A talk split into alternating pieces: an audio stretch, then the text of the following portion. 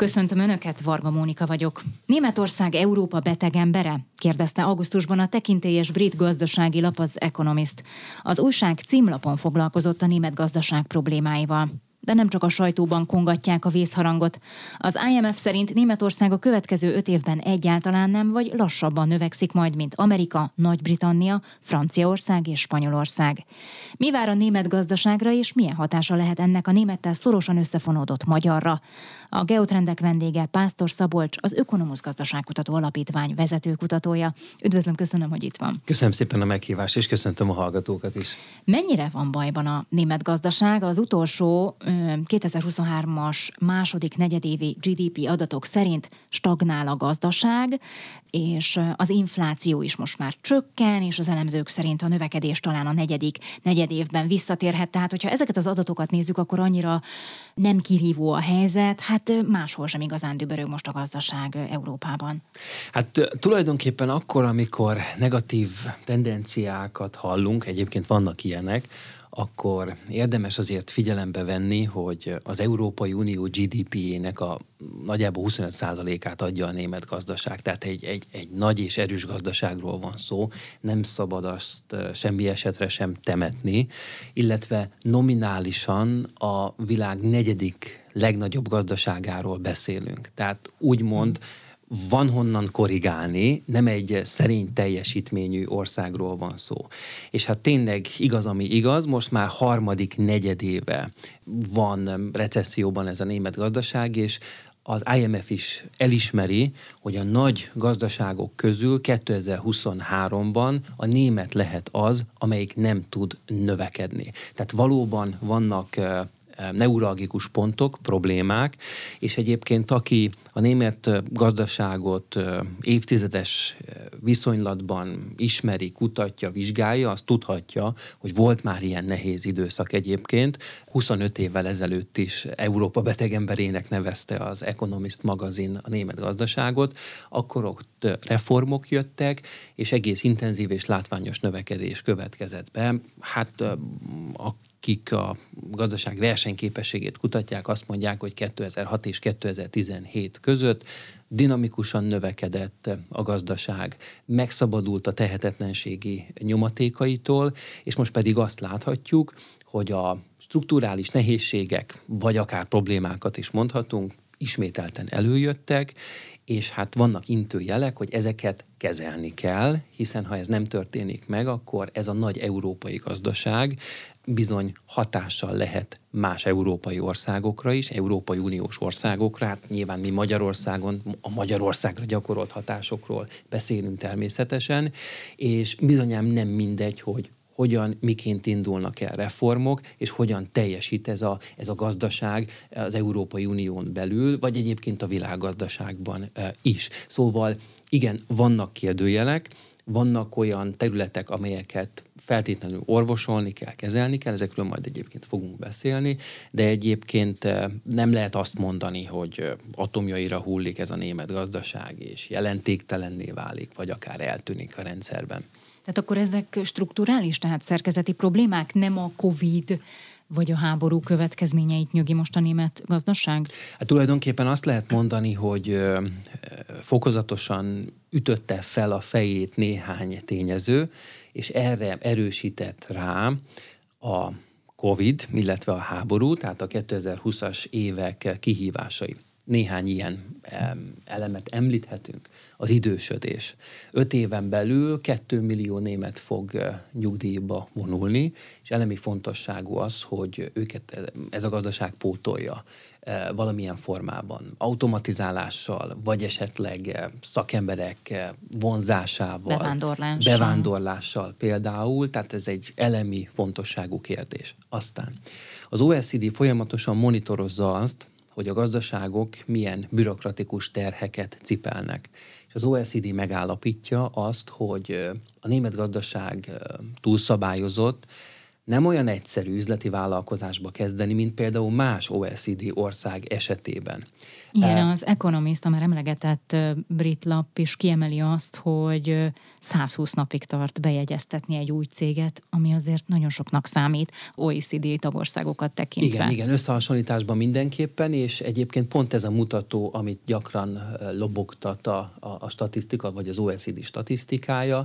Nyilván minél kevesebb, annál jobb, minél olcsóbb, annál jobb egyébként, vagy elektromos áramot bevezetni minél gyorsabb, annál jobb. Tehát ezeket monitorozzák az OECD-nél, és hát a, a, a bürokratikus teher az nem a legalacsonyabb ebben a német gazdaságban. Elmaradt a bürokrácia digitalizációja? Ez is igaz, és azt tudom mondani, hogy fundamentálisan az a probléma, hogy a fiskális fegyelem, egyébként a folyamatok pontos menedzselése az azt eredményezi, hogy minden szabályozott, talán minden túlszabályozott is, és például ez a bürokratikus teher, ez azért jelenik meg, mert nagyfokú szabályozottság van a rendszerben, megfelelés, standardeknek való megfelelés, és hát nyilván, ha valami megjelenik az egyik oldalon, mint pozitívum, az a másik oldalon pedig negatívumként jelenik meg. És ennek egyik nagyon jól látható eleme, hogy a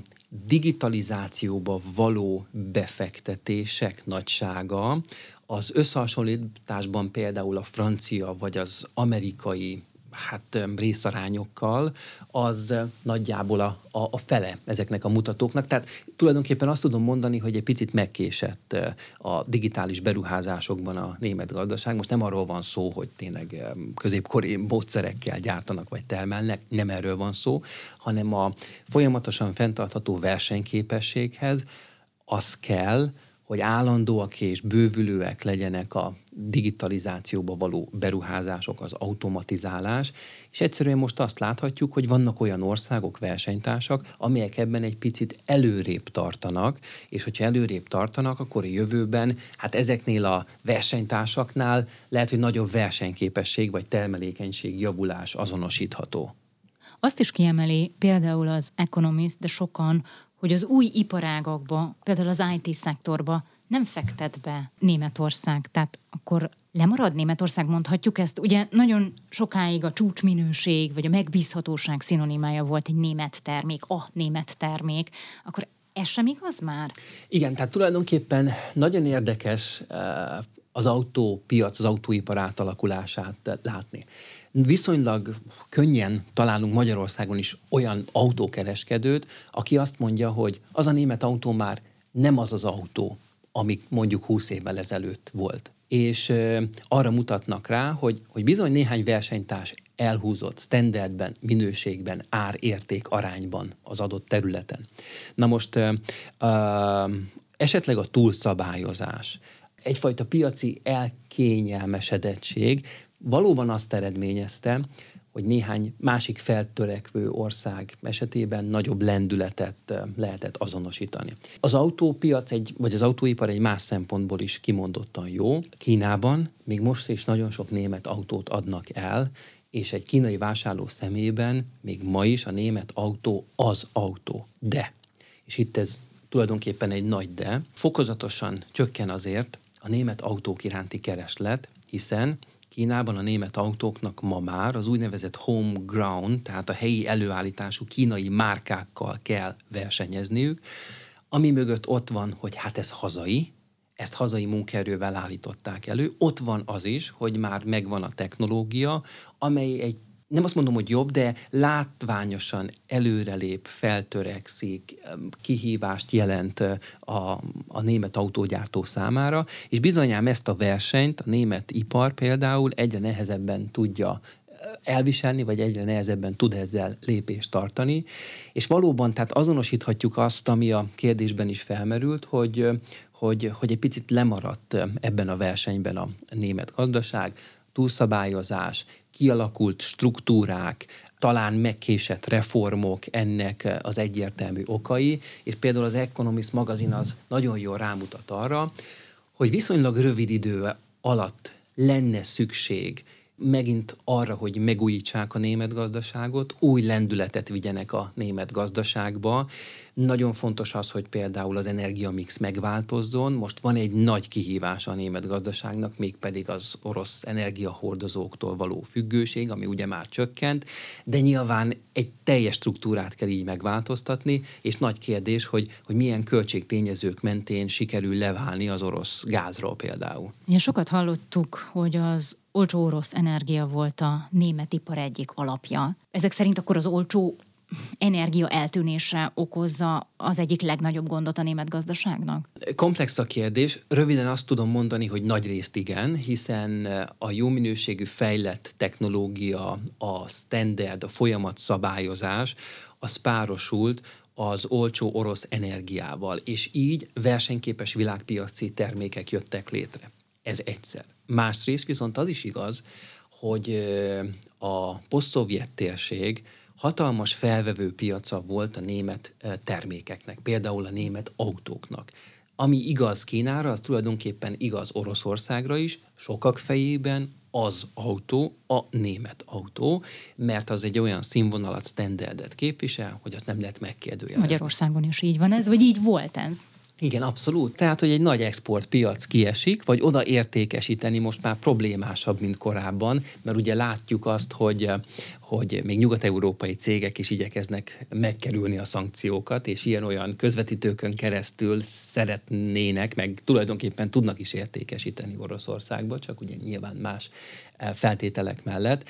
Szóval azt tudom mondani, hogy, tehát, hogy egyszerre érkezett input oldalról egy sok, illetve az export vonalon is ér, érkezett egy hatalmas fejfájás a német gazdaságnak, és egy ilyen, egy ilyen rendszerbe kellene most struktúrát váltani, vagy reformokat kezelni. Nézzük meg először az, az energia oldalt. Ezt tudjuk, hogy az atomerőműveket is leállították most már Németországban, de nagy hangsúlyt fektetnek, fektettek eddig is a zöld megújuló energiákra. Ez akkor nem tudja annyira pótolni sem az orosz gázt, sem az atomerőművi villamosenergia előállítást? Igen, tehát megértjük azt a tendenciát, hogy miért, nagy, miért kap nagyobb hangsúlyt a zöld átállás. Tulajdonképpen az Európai Unióban is van egy ilyen transformáció, a digitális transformáció, a, a népesedési transformáció mellett, ugye ez a zöld átállás, ez a harmadik, de azt kell látni mindenütt, és nem csak a német gazdaságban, hogy a zöld átállásnak van egy ára. Rövid távon ez tulajdonképpen jelentkezik input oldalon a gyártóknál, tehát zöld energia által terméket gyártani, rövid távon egy picit drágább, sőt lehet, hogy vannak olyanok, akik azt mondják, hogy tetemesen drágább, tehát van egy ár, amit meg kell fizetni, és hát, hát ezzel számolni kell a különböző iparágakban, ezzel számolnak a nagyvállalatok, a multinacionális vállalatok. Azt mondhatjuk, hogy tényleg a zöld átállás egy fenntartható megoldás, az orosz energia részleges kiváltása, de ennek ára van. Tulajdonképpen a multinacionális vállalatok előszeretettel hárítják tovább ezt az árat mondjuk a fogyasztókra, úgyhogy elképzelhető, hogy tényleg több termék esetében ez úgy is megjelenik, hogy drágábbá válik a termék azáltal, hogy más energiamixben készült el. Ez a Geotrendek. Az Inforádió külgazdasági és geopolitikai magazinja. Vendégem Pásztor Szabolcs, az Ökonomusz Gazdaságkutató Alapítvány vezetőkutatója, akivel a gyengelkedő német gazdaságról beszélgetünk. Többször szóba került már itt a beszélgetésben az export. Az Economist azt írta, hogy az egyik probléma a német gazdasággal, hogy Németország túlzottan kitett Kínának, a Kínába irányuló exportnak. Ez miért probléma? A már emlegetett autós példa igaz valamennyi termékre? Tehát már nem olyan vonzó a német termék Kínában? Igen, megváltozott a percepció, ez egyébként egyértelmű és jól körvonalazható, és azt lehet mondani, hogy 80 plusz milliós német gazdaság évtizedek óta egy exportvezérelt gazdaság, tehát ha a német gazdaságról beszélünk, akkor siker, sietve ki kell emelni az export teljesítményt. Ugye a klasszikus példa, megint autóipar, nem Németországon belül adják el a legtöbb Mercedes például, hanem azon kívül és ezért nagyon fontos a gyártónak, hogy hogyan teljesítenek különböző piacok, Latin Amerika, Közel-Kelet, Ázsia esetleg, és még most is nagyon komoly az ország export teljesítménye. Ha a legfrissebb statisztikai adatokat nézzük, akkor 1620 milliárd amerikai dollár értékben exportál a német gazdaság, és 1170 milliárd dollár értékben importál. Tehát két szám között van egy tetemes különbség. Ez, ez nyilván a, a kereskedelemből származó, exportból származó extra bevétel és azt tudjuk mondani, hogy mind import, mind export oldalon Kína a legfontosabb tényező és partner. Egyébként az export esetében 7,7 százalékot Kína fed le, tehát hogy tulajdonképpen a 100 százalékból 7,7 százalék az exportban Kína felé irányul, import kapcsán pedig 10 százalékos a részesedése. Na most, hogyha valaki fellapoz egy nemzetközi gazdaságtan tankönyvet, akkor azt látja, hogy egy ilyen 10 százalékos részesedés egyébként már függő viszonyt jelez, de egyébként ne legyünk fafejűek, 10% közeli részesedés egy, is egy ilyen függő helyzetet jelent, úgyhogy nyugodtan mondhatjuk, hogy azért több viszonylatban függ az exportpiacoktól a német gazdaság, és ha ez így van, akkor bizonyám, hogy nem mindegy, hogy milyen lesz a percepció azokban az országokban, ahová például a német termékek kerülnek, mert hogyha megváltozik a viszony, és például azt látják, hogy a hazai körülbelül ugyanolyan jó, de még olcsóbb is, akkor ugye elképzelhető, hogy visszaesnek az exportbevételek, és um, érdemes visszaállítani a, az export terméknek a versenyképességét, hogyha sikerül. Erre az Economist azt mondja, hogy hát mivel elmaradtak a digitalizációba való beruházások, nehéz lesz. Úgyhogy én biztos vagyok benne, hogy a német multinacionális vállalatok azonosították már ezt a megváltozó fogyasztói attitűdöt, és hogyha ha tudnak, akkor lépnek annak érdekében, hogy továbbra is kelendőek legyenek az export termékek, de ez egy, ez egy kihívás, ezt nyugodtan lehet azonosítani. De már az export sem dübörög? Vagy még azért nem lehet érzékelni azt, hogy csökkent volna a német kivitel? A német gazdaságnak úgymond az a nagy szerencséje, hogy vannak még olyan feltörekvő piacok, ahol a német termék az Uber-Uber, és annál nincsen jobb, annál nincsen jobban szabályozott, annál nincsen jobban legyártott, és egy olyan mentális asszociáció van még mindig a, a német ipari termékekkel kapcsolatosan, hogy ezt egyenlőre még más gyártó, más ország nem nagyon tudja megváltoztatni, vagy csak elkezdi megváltoztatni, de tehát, hogy még most is azonosítani tudunk sok milliárdnyi embert, akinél kvázi az Európából, a Németországból származó terméknek úgymond nincsen párja.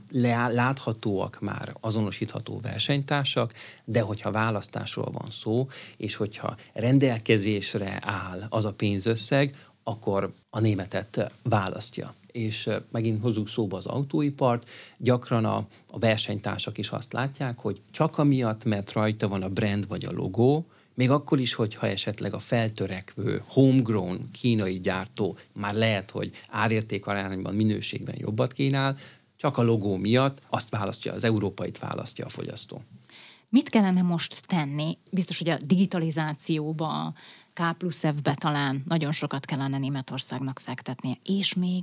Igen, ez biztosan igaz. Az Economist azt sürgeti, hogy a németek ne csak beszéljenek a strukturális nehézségekről, a kérdőjelekről, hanem jól azonosítsák azokat a tényezőket, amely, amely, amelyek mentén eh, meg kellene változtatni a feltételeket a munkaerő piaci kihívásokat kezelni kell. Most Németországban 3%-os a munkanélküliség, nagyon alacsony, ott is nagyon komoly munkaerőhiány van.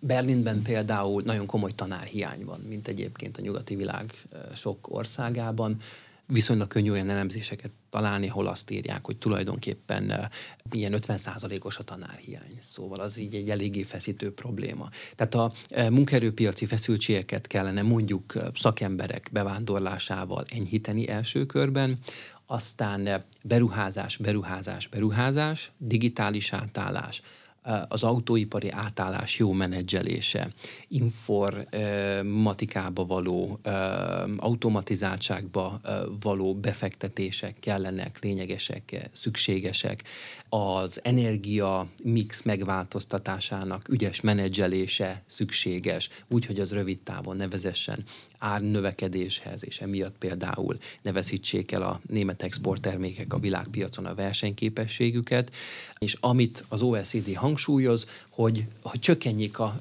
bürokratikus teher a német gazdaságban, tehát hát az a 120 nap, ami a új vállalat elindításához szükséges, az csökkenjék, és legyen egyszerűbb vállalkozási, vállalkozói tevékenységet végezni, és legyen egyszerűbb például új munkaerőt felvenni. Mennyire próbál tenni a megoldásokért a német politika? Hát azért azt láttuk, hogy mondjuk a bevándorlási szabályokon is alakítgatnak, alakítanak, tehát mennyire hatékony a német politika, a német kormány fellépése? Viszonylag könnyű olyan szakértőket találni, akik azt mondják, hogy ilyen vérszegény intézkedések születnek, és hát alapvetően nem elegendő az, és nem elég koncentrált, ami, ami megjelenik megoldá, a megoldások között. Mások pedig arra mutatnak rá, hogy a kialakult struktúrák, illetve kvázi a, a folyamatot menedzselő, meg a standardizáló gondolkodásmód mellett úgymond ennyit lehet rövid távon tenni.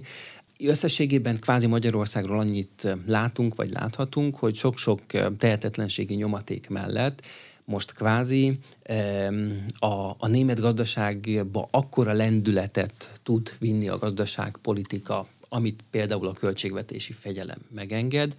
Hallhatunk olyan történetekről, hogy állami támogatást kér valamelyik vállalat Németországban, a, amiatt, hogy megnövekedett energiaköltségeit fedezze, és például azt a kérdést szögezi a kancellárhoz, ha ezt a hát támogatást nem kapja meg, akkor elviszi a termelést az Amerika Egyesült Államokba. Tehát ilyen jellegű mm, történeteket nagyon könnyen és nagyon hamar olvashatunk, és ugye azt mondhatjuk, hogy hát nyilván lenne nagyon sok milliárdnyi euróra szükség ahhoz, hogy ezt az átállást menedzselje a német gazdaság. Nyilván van valamennyi rendelkezésre áll, és most egyébként is egy olyan korszakban élünk, ahol az államok igyekeznek állami támogatást adni, például az automatizáció ügyes menedzselésére, a digitalizáció ügyes menedzselésére, és hát szakértői vélemények szerint, és ezzel én is egyetértek, ez az átállás, illetve a jövőbeli versenyképesség az attól függ, hogy mennyire elkötelezettek a kormányzatok, és mennyi támogatást tudnak nyújtani az éppen átalakuló iparágak számára. Az, ahol vérszegények maradnak a támogatások, jó lehet azért 10 vagy 15 évvel ezelőtt nem mondhattunk volna ilyet, tehát az a gazdaság, vagy azok a gazdaságok válhatóan lemaradnak a, a, világgazdasági versenyben.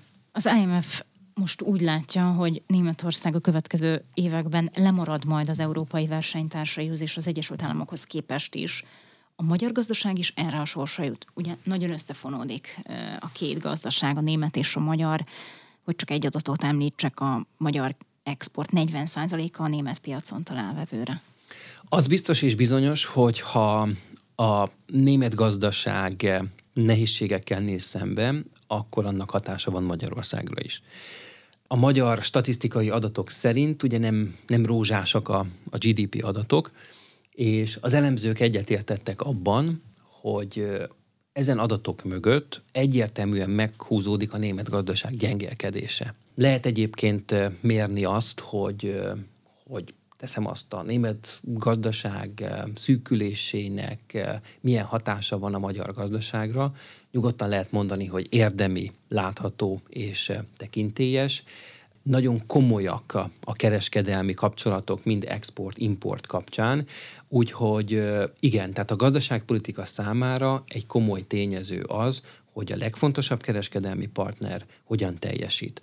Ha rossz a teljesítmény, akkor alább hagyhatnak a beruházások Magyarországon természetesen, de egyébként a késztermékek vásárlása is visszaeshet. Gondolok itt például ugye a Magyarországon gyártott német autóra, nem sikerül annyit eladni, és ez természetesen kvázi háztartások szintjén is eh, jelentkezhet. Na most pont emiatt látjuk azt a gazdaságpolitika részéről, hogy egyfajta nagy diversifikációs hajlandóság van, ne csak német beruházó legyen Magyarországon, hanem például ázsiai, dél-koreai.